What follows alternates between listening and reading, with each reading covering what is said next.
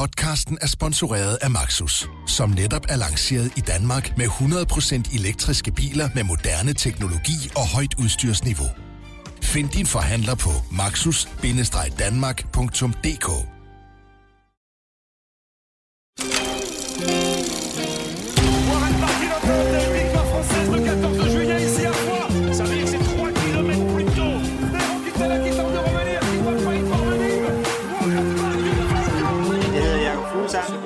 lytter til Turen på bagsædet. Bonsoir, velkommen til BT's knaldgule Skoda, og velkommen til den podcast, som vi kalder Turen på bagsædet. Jeg hedder Lasse Føge, og jeg sidder her sammen med Rasmus Rask og Frederik Sjani Gong.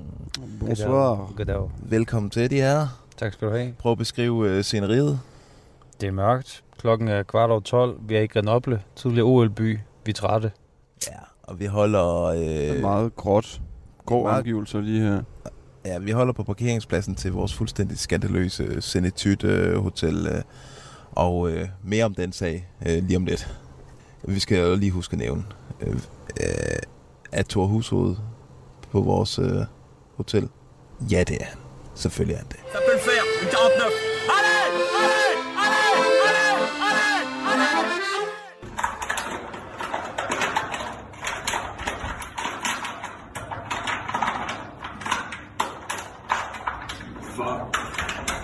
Okay, øh, drenge, øh, Rasmus Rask, du ser øh, brugt ud. Jamen, det har bare været verdens længste dag, der. Det lyder som en, der har været, øh, været gennem verdens længste dag. Ja, prøv at tage os. Øh, nu skal vi selvfølgelig ikke kede øh, lytterne med, øh, med privat snak her, men det har vi været starter en med at få noget maveonde, øh, hvor jeg allerede tidligere dag, øh, tidlig i morges skal lige, hvor der sker nogle ting. Ja, altså der, der sker det, at vi jo øh, vælger at gå ud og fejre øh, Søren Krav Andersens sejr i Lyon. Øh, og der, der blev måske lige et glas vin for meget. Øh, og vi kommer måske også lidt senere hjem end lige planlagt, men sådan er det. Det skal der også være plads til. Kan man være en tyr om aftenen, så kan man også være det om dagen. Ja, ja. Og perfekt dag at gøre det på. Ja, lige præcis. Men det der sker, er, at vi, ram, vi får jo sådan en drink, der hedder den, De Mørke Skyer, eller et eller andet. Ja, Nuage Noir. Nuage Noir. Ja, den er meget sigende, især. Ja. for dig. Nå, men, Men men i øh, hvert fald så- et par timer senere, så blev vi vækket øh, panisk hjemmefra. Podcasten er ikke udgivet øh, som planlagt. Øh, der har været et eller andet teknisk øh, musehul ja. midt i det hele. Så skulle jeg lige bruge to-tre timer på, på, på teknikaliteter. Ja. Det er jo hårdt i sig selv, men når man selv har det lidt hårdt, så er det endnu hårdere. Ja, Så det var en dag med mange udfordringer, og så kommer vi så endelig frem til det her lækre hotel, og så... nej, nej, men du, jeg synes, du springer mange ting over, ja. Ja. fordi vi skal også fortælle, at vi øh, tilbringer jo dagen inde i et, øh, et pressecenter, øh, som er på den gode side af 45 Det grader var, varmt. ja, det var, det var varmt som i helvede. Ja, nærmest. det må man sige. Det er ikke et suverænt sted at sidde Nej. med tømmermænd. Jeg får løbet ned til, til mixzone. Der var også ret varmt udenfor. Jeg Ja, får ja. tonset ned både til mixzone om morgenen, hvor vi så faktisk øh, får salt med et par rytter, men så også efter etappen, som lå meget længere væk end forventet, og rytterne var 100 år om at komme, så endte faktisk med at gå tomhændet tilbage der også. Ja, og nå, så kører vi de der 100 km til vores hotel her i Grenoble. Ja, nu vi, skal vi men rigtig... vi kan lige tilføje, at vi var faktisk på McDonald's i mellemtiden. Ja, det var vi. Og Så- fik en, en Og det var vores andet kold- klip. Så vi har et, et klip tilbage på Ja, McDonald's. lige præcis. Nå, og så kommer og vi du til kold hotel, ost. hotellet, og øh, alt er godt, eller hotellet er helt håbløst. Øh, Det er meget, nogle meget syrlige farver over alt. Øh, Det hedder Senetyt, man kan næsten høre det på det. Det er alt Senetyt med Z. Øh, Altså alle beslutninger, der har de taget den forkerte. Altså Ja. alt lige fra gulvtæp til indretning Ja. ja. til... At, ja, det, det ligner noget fra en anden tid. Nå, og så skal du... Øh, Ja, nu har vi også nu har vi trukket spændingen nok, synes jeg. Hvad Ja. er det så, Ja. der sker, øh, Rask? Og så lad os lige høre den her lyd en gang til.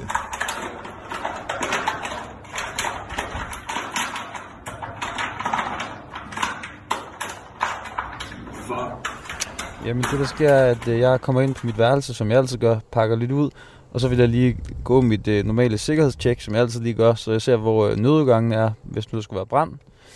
Øhm, og da jeg så skal ind igen, så virker min nøgle ikke, og så er låsen simpelthen gået i stykker i de der 12 sekunder, jeg har været ude af værelset. Så der, det er jo uheldigt. Så og det tænker er man, simpelthen kronen på værket på den her fremragende dag her. jamen der tænker jeg så, at det kan, det kan de vil fikse, men øhm, Og det er et stort problem, fordi vores optageudstyr ligger inde på dit værelse. ja. Så Det øh, vi skal Og vi havde ikke optaget podcast endnu, så sjovt nok på det tidspunkt. Ja. Og øh, Vi prøver alle tre på skift at åbne døren. ja. Det lykkedes ikke. Og så, Og så, øh, tilkalder selvfølgelig receptionisten, som er faktisk er fuldstændig ligeglad, og det må Ja. ja. egentlig være vores eget problem. Ja. Ja, han ender bare med at smutte ned, og de, de kan ikke ringe til en, øh, til en låsesmed, og de har en, øh, en tekniker, som de kan tilkalde, men han kan ikke nu, og sådan noget, så de var ikke meget for at løse det der problem. Men, øh, Efter 3-4 timer, så kommer der så en låsesmed. ja, det skal være fair. To og en halv time Ja. ja. efter du har låst dig Ja. ud, så får de tilkaldt en øh, låsesmed. Efter massivt pres fra vores side. Ja. Men det er Som jo så- også en profession, der ikke kan udvikle sig i 400 år. Altså, jeg troede, Ja. han ville komme med sådan noget moderne værktøj. Han, kom stod med et øh, stykke pap. og lamineret prøvede- pap og stod og, og kørte det sart revne at se og på. Og han blev mere og mere panisk, fordi det ikke virkede. Han havde ikke andet. Han havde ikke en plan B. Til sidst, jo, men til sidst så vælger han at nærmest demontere hele låsen, så at alt er skilt ad, og Ja. døren må ikke lukkes, sagde de, for de kunne aldrig få den op igen. Så jeg har Nå. fået et nyt værelse. Det er jo, hvad det er. Øh, Og vi har optageudstyret, og nu sidder vi her. Ja, Så og det er vi glade den for. historie. Og vi kan umiddelbart ikke øh, på stående fod anbefale øh, Hotel Zenitude i Grenoble. Le ciel vous comblait, votre foulard de soie. Nok om os. Ja. Nu skal vi tale om dagens etape, fordi øh, det var jo øh, årets konge-etape i turen. Og en etape, som øh, gjorde os øh, meget klogere på mange ting i det samlede klassement. Ja, men også, jeg synes også, det er lidt en, en skuffelse i dag. Altså det minder lidt om de der US Postal dage, hvor at, øh, de bare sætter sig på løbet, og så er det først til aller, aller sidst, der sker noget. Det ved jeg ikke, Ja. hvordan I... Hvordan Og du hvem er de Jo, i den forbindelse? Øh, Jumbo Visma selvfølgelig, som det nye US Postal. Ja, Jeg snakkede faktisk med nogle af de andre øh, danske journalister om, det mindede meget om, var det tredje eller fjerde etape, hvor man også forventede, der ville blive angrebet, og sådan, noget. så er det på de sidste 500 meter, der bliver lagt en spurt ind, og der er en, der angriber.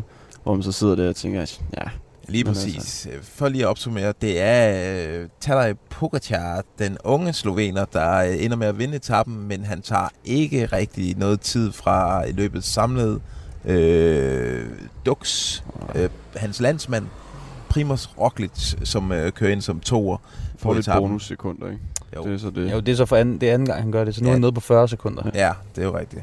Men hvis, altså, der ligger jo den her enkeltstart på næst sidste etape, og Primoz Roglic, han er ret skarp den uh, disciplin der. Er vi ikke enige om, at uh, Pogacar, han bliver nødt til, han kan jo Jo. ikke vente med, de, uh, med at angribe på de sidste 300 meter hver eneste gang? Nej, men det er jo sådan en bjergenkelstart på Planche de Bellefie, så øh, det, det var rigtigt nok. Ja, det er okay. Så det er jo ikke engang... Øh, altså, det, det, det, det kan Pogacar da godt øh, vinde, tror jeg. Men øh, han skal da ud og hente noget mere tid. Han Skal. kan ikke hente 40 sekunder på Roglic på en enkelt start. Det tror jeg heller ikke. Ja, jeg skal sige, det er heller ikke lige ham, man skal sådan hælde en spand vand i hovedet, og sådan, altså, fordi han, han prøver jo.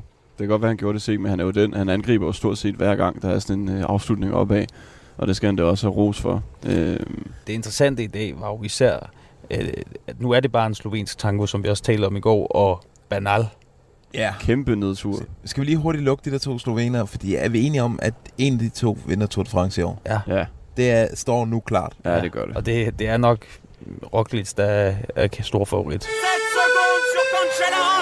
så skal vi til den forsvarende mester, øh, Egan Banal, cykelmyggen Egan, øh, som jo fuldstændig eksploderede på øh, øh, Col de Colombie. Jamen, det ved jeg ikke engang, om han gør, om han eksploderer. Og det er det, der er sådan vanvittigt ved det, fordi tit så ser man sådan en, en mester, der går ned, og man synes, det er lidt øh, trist at se på. Her er det jo gut, på, der faktisk kører med i ungdomskonkurrencen, som på den måde går ned. Og, men jeg synes nærmest, man får det dårligt, når man ser øh, sådan en som Van Aert, som ligger i 20 minutter og trækker feltet. Altså Jumbo Vismas øh, hjælperytter, Van Aert, han er jo ikke engang bjergrytter rigtig. Mm. Så ligger han, og så, så bagefter så sidder øh, han i gruppen sammen med Banal, resten af, resten af stigningen op. Ja, Ja, altså, der er ja. et eller andet galt. Det Ja, kan da ikke, det kan da ikke ja. passe. Det er også, det, det var jo, han ender jo med at smide over syv minutter til Tadej Pogacar i dag. Og ikke Og og det- længere i top 10 Nej, i nej, men altså de der turdrømme, de er jo knust for ham. Det sagde han også i dag efter etappen, at det, jamen, jeg vinder ikke min anden tur i år, det gør jeg bare ikke. Så han Ja. er Han sagde, at han blev tre år ældre på den Ja. der stigning der. øh. meget fattet, må man sige. Ja. Men Ja. man kan så sige, at han er jo trods alt en, ja, en rytter, der har nogle gode år foran sig endnu, kan man formode. Det har været noget andet, det har været mere tragisk på en måde, i stedet for en Froome-type, der ligesom så sin aller sidste chancer, der er fordampet der på en eller anden måde. Men vi havde jo regnet med, efter vi så om sidste år, at nu går vi ind i Egan Banal-æraen Ja, ja, i cykelsport, og han vil simpelthen bare rense bordet for Tour de France sejr de næste 5, 6, 7 år. Mm. Men al- allerede nu, ikke? Er han ikke allerede overhældt af Pogacar, og så vi ved uh, Remco Evene- Evenepoel, han også uh, Jo. kommer på et tidspunkt. Uh, Ej, jeg tror, hvis for Bernal, han skal nok vinde flere Grand Tours. Han kan jo også være nede. Der kan jo være et eller andet øh, sygdom eller noget, vi ikke kender til. Så jeg synes ikke, vi skal udelukke ham nu. Ja, Men til 100% gengæld- nok komme, komme på ovenpå igen. Der er også det der styrt inden turen, som vi ikke ved reelt, hvor meget Ja. øh, han har lidt under. Men noget, jeg er chokeret over nærmest, det er jo Team Ineos. Altså, hvor, hvor, hvorfor sender de ikke Geraint Thomas med, så, så kunne han have været deres... Øh, han er forrygende kørende i hest. Tirreno. Tirreno, Ja. ja. det, det, de plejer at være ret smarte, det hold. Især Ja, ja, det når det er Tour de France, der betyder 90% af alt. Og det er sjovt, ikke? Fordi de plejer jo at have den her taktik med mange kaptajner, øh, som jo er blevet sådan lidt en mode, Ja. ja. modeting Ja. ja. efterhånden. Og det år, hvor de så ikke kører det, og de har en mand, de satser benhårdt på, så rammer han den ikke. Altså, det er jo Nej. det er sådan en helt omvendt verden på en eller anden måde. Ja, det er jo en skandale for dem. De har ikke en rytter i top 10 i, det her, i den her tur. Nej. Det er, altså, det er et hold, som har ejet Tour de France mm. Gennem 10 ja, år. skal de huske, Og at de har som- vundet 7 ud af 8 år i træk. Og Ja, de det er, er sygt. hvor meget rigere er de end de næstrigeste på, på World Touren? De er jo nærmest dobbelt så rige, Mm. øh, Ja, har et kæmpe budget. Ja. Så det her, det er en, ja, altså, en bimlende stor øh, katastrofe for, for det her hold. Og for Sir Dave Brailsford. Not good.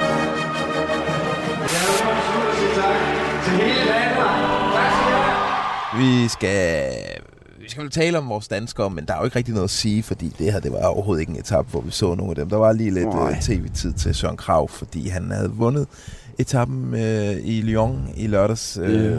Og lidt dansk angreb i starten, var det ikke det? Mads P. jo, det har han selvfølgelig jeg, frem prøvede og at stikke lidt, men der. det er ikke, Ja, det var det er en ikke de etape, der store overskrifter. Ja. det er hans terræn jo. Så Nej, men lad os i stedet øh, lige afspille den snak, vi fik med, øh, med Søren Krav Andersen inden starten, hvor han fortalte om, hvordan øh, han havde oplevet øh, de timerne efter sin sejr. Og øhm, hvis man ikke synes, cykling er spændende, så bare prøv at lægge mærke til, at han siger ja hele tiden. Er virkelig kæmpe ja-hat på i dag, som Frederik Efter bemærker. alle svar. Han har, øh, i stedet for et Ja. punktum, så siger han ja. Ja, Hold dog, nu er der vanvittigt til Bjarne. Op til Bjarne, tager et næb og siger, det skulle være koldt. Det var en speciel øh, dag i går og en speciel aften. Øh, jeg, ja, jeg er stadigvæk lidt målløs, og øh, jeg prøver også at nyde det igen i dag. Ja. Jeg ved ikke, om det er et vendepunkt, men øh, det er en del af processen, vil jeg mene, og en del af ja, forhåbentlig min videre udvikling. Øh, det er helt sikkert et stort skridt på vejen, øh, men ja, der er stadigvæk lang vej nu. Øh, min drømme er, er klassikerne, og der mangler jeg stadigvæk at bevise mit potentiale. Ja. Øh, vi havde en god middag og et glas vin og et glas champagne, så meget, meget afslappet. Ja. Man bliver lidt nødt til at rejse op lige og skåle for holdet også. Jeg kan ikke, øh, der er ikke nogen rytter øh, her, der, kunne, der, kunne, der kan præstere uden et hold bag sig. Øh, staff, rytter, øh, ja, det, det er også et stort teamwork øh, bag os rytter. Vi, vi får ligesom hele credit, men der er mange bagved os, der, der hjælper os hver dag her, så vi er nødt til at takke dem, og, ja, og så kunne de også få lov at få sig et glas øh, champagne. Ja, jeg har egentlig sovet okay. Ikke så meget som de andre nætter, men øh, jeg synes stadigvæk, jeg fik, øh, fik sovet okay. Ja. Jeg, jeg gav mig også selv tid til at bare lige at ligge og høre noget musik og slappe af og sådan nyde det, og ikke, ikke stress for meget over, at nu skal jeg falde i søvn, fordi i sidste ende så falder du ikke i søvn så nemt som de andre dage på grund af ja, tanker, følelser, adrenalin, ja. Hvad siger familien til det så? Øh, jeg har faktisk ikke snakket så meget med min familie. Jeg, ikke andet min storebror, min, min mor og far, de er ude på noget øh, vandretur, så de har ikke noget signal. Øh, men øh, de har selvfølgelig skrevet en besked til mig, men øh, de, ja, jeg tror, de er glade og stolte selvfølgelig, ja. Og hvad sagde storebror?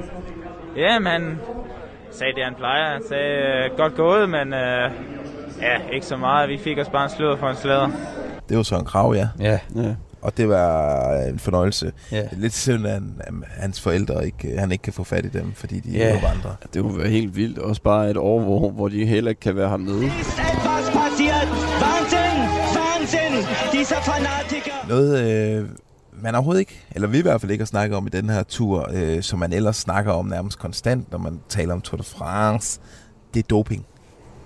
Øh, men her de sidste par dage, der er det sgu dukket lidt op igen, fordi folk undrer sig jo. Der er to slovenere, som øh, stort dominerer det her løb.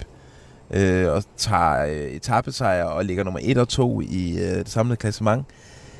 Og det er det påfaldende, eller er det tilfældigt? Det spørgsmål, det stiller for eksempel det danske cykelsite øh, Veloropa, og, øh, og de skriver følgende, og nu kommer der lige en lidt lang øh, smøre her, men prøv at hænge på. Her har vi altså at gøre med en relativt lille cykelsportsnation som Slovenien, der trods de seneste års fremgang kun har i alt 34 professionelle eller semiprofessionelle ryttere, og de to af dem ligger lige nu nummer 1 og 2 i Tour de France, og lader til at have et andet niveau end alle de andre. Ligger man der til det faktum, at 42% af alle slovenske World Tour ryttere på et eller andet tidspunkt har været suspenderet for doping, og, den se, og at den seneste store dopingsag, Operation Adalas, trækker tykke tråde til blandt andet Slovenien, så er der basis for både teorier, konspirationsteorier, når forklaringen på Sloveniens pludselig opblomstring skal findes. Selvom hverken Roglic eller Pogacar på noget tidspunkt har været involveret i nogle sager, der omhandler doping. Mm. Altså det der er jo total, øh, hvis det der var forskning, så ville man jo kalde det sådan uredelig forskning. Det er total konspiration. Der er jo, det er, han ser nogle mønstre, og så bruger han Ja. noget Ja. argumentation, som overhovedet ikke, altså Men det er jo ikke noget med de her gutter at gøre. Kan man Nej, sige. det kan man sige. Men har vi ikke bare... Altså, cykling slæber jo også rundt på en tung bagage, Ja. en tung fortid, mm. Som gør, at man unægteligt bliver nødt til at stille de her spørgsmål. Helt klart. Det gør man. For sig selv. Altså, Altså, men, men jeg vil bare sige, at det, der er jo ikke noget i det her. Ja, Altså, grundlaget ved, er tyndt, ikke? Der er ikke noget på, det, på de her nej, drenge. det er der ikke. Nej. Og det skal vi understrege. Hverken Roglic eller Pogacar er blevet testet positivt nogensinde. Og øh, de bliver testet hver dag hernede, altså. Ja. Ja. Hoved og røv. Jeg skal tænke på, at altså, dem, der vinder etapperne, og dem, der bærer trøjerne der, det er jo dem, der bliver testet aller, aller, allermest øh, af alle rytterne. Og det er jo, altså jeg synes også, det, det er jo sådan, det er forholdsvis tyndt grundlag. Man kan også vente om at sige, om havde man stillet spørgsmålet, hvis der kun var én slovener, der lå i toppen. Mm. Altså, øh, så det, det bliver må jeg meget spørge til båret af tilfældigheder. Men det er da påfaldende. Men at, er øh, I ikke mistænkelige?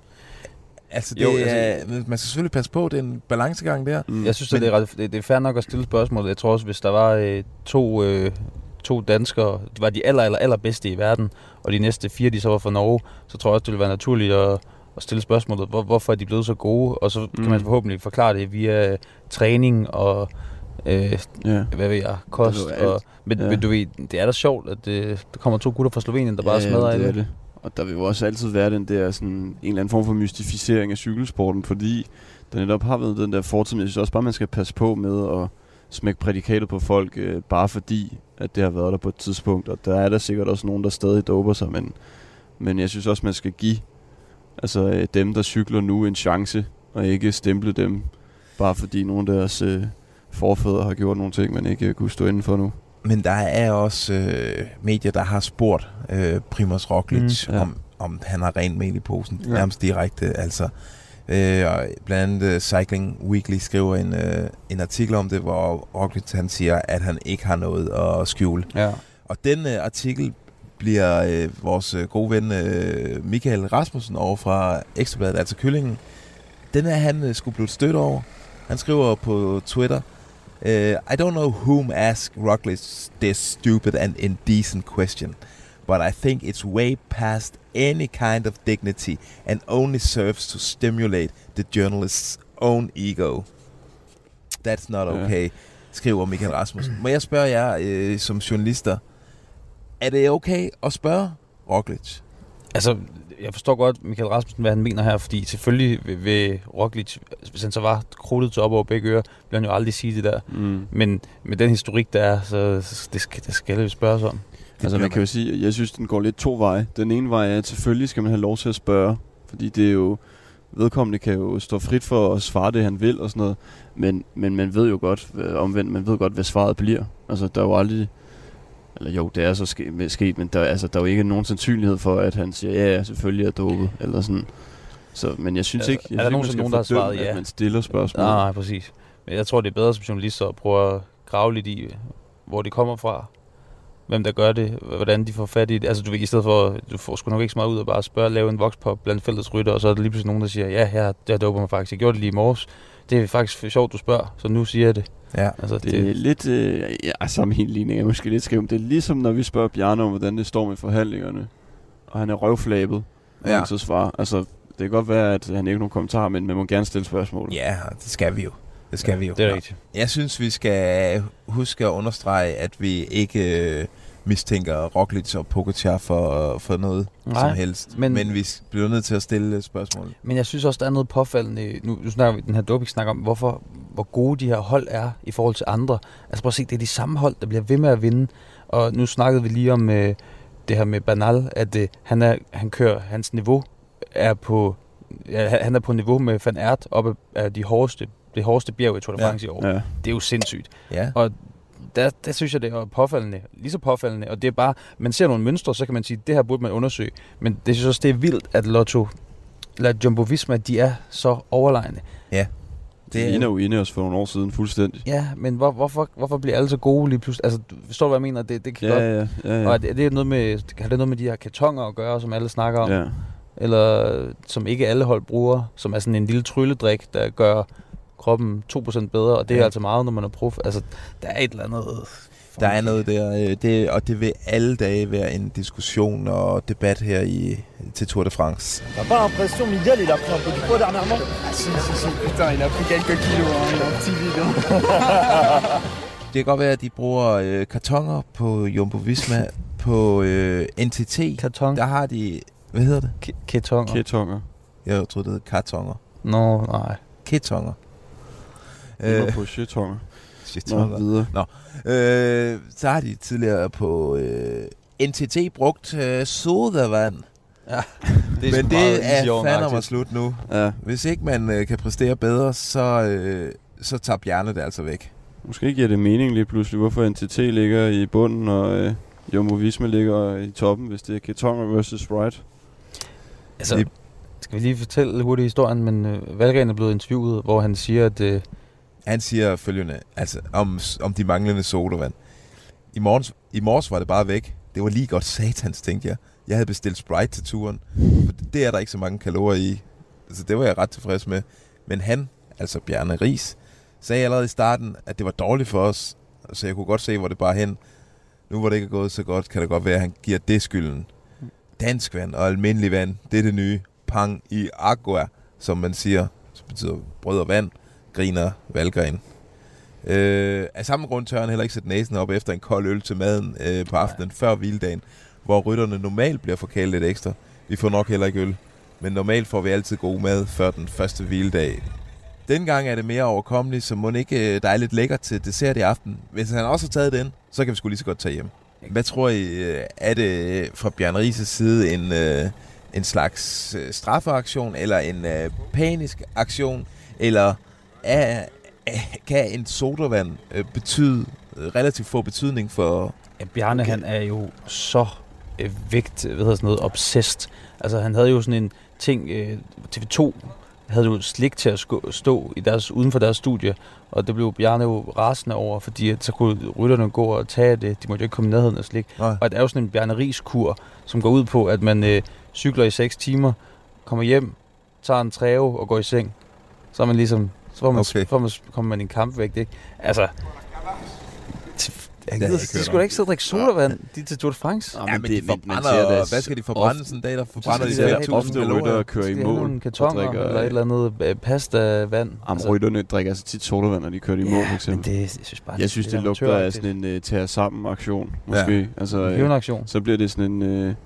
Uh, så bliver det sådan sy- symbol for, at uh, man måske lige Men skal jeg stramme lidt op. Jeg synes, det er fint, hvis det kan motivere Valle til at lave noget her den sidste uge, så... Øh, Prøv, det er jo ikke godt for kroppen at sidde og drikke sodavand. Men så man drikke et eller andet ikke, om det er energidrik. halvanden liter eller- sodavand, de drikker om dagen, eller om det er Ej, jeg tror bare, 33 det var en centiliter. dåse der. Jeg synes ikke, Ved du Val, Val har gjort sig fortjent til at få Sprite. Jeg vil gerne love Michael Valgren, hvis du øh, tager en etappesejr den sidste uge, så køber jeg en øh, halvanden liters øh, Sprite til dig. Det er en sport, der på mange måder er fyldt med, med uretfærdighed og skurke og sønder og, og også en beskidt sport, og det må, den, det må den gerne være for mig. Vi går ind til en hviledag. Det er hviledag i morgen. Og Det er jo så den dag, hvor mange af vores lyttere Det er faktisk allerede hviledag i dag, Ja, det er faktisk. Vi er jo for længst over midnat.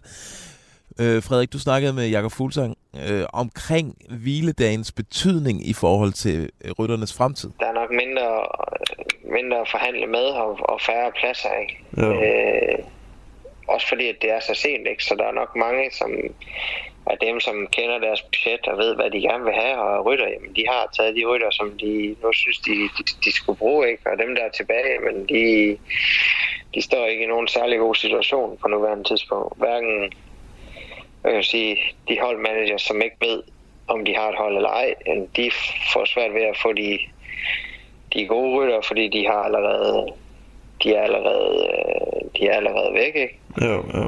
Øhm, men også rytterne, de står i en, i, i en dårlig situation i forhold til, at pengene, de er formentlig brugt til de, til de dyreste rytter, der er nok de, de, de færreste, der lige har et par millioner på, på, på kistebunden til at bruge til til en og til næste år. Ikke? Det, det, er nok, det er nok noget sværere i, noget sværere i år at være, være manager, så og, og hviledagen ligner ikke helt det, som, det, som de plejer Men. Normalt så ser man jo mange af de her øh, kontraktforhandlinger på hviledagene som øh, under turen, som er altså nogle af de vigtigste overhovedet på året i forhold til rytternes fremtid. Og i år er det jo meget mystisk år for rytterne, og han fortalte mig det her med, at altså, der er ret mange af dem, der egentlig er stresset og nervøse over, at de ikke ved, hvilken fremtid de går i møde.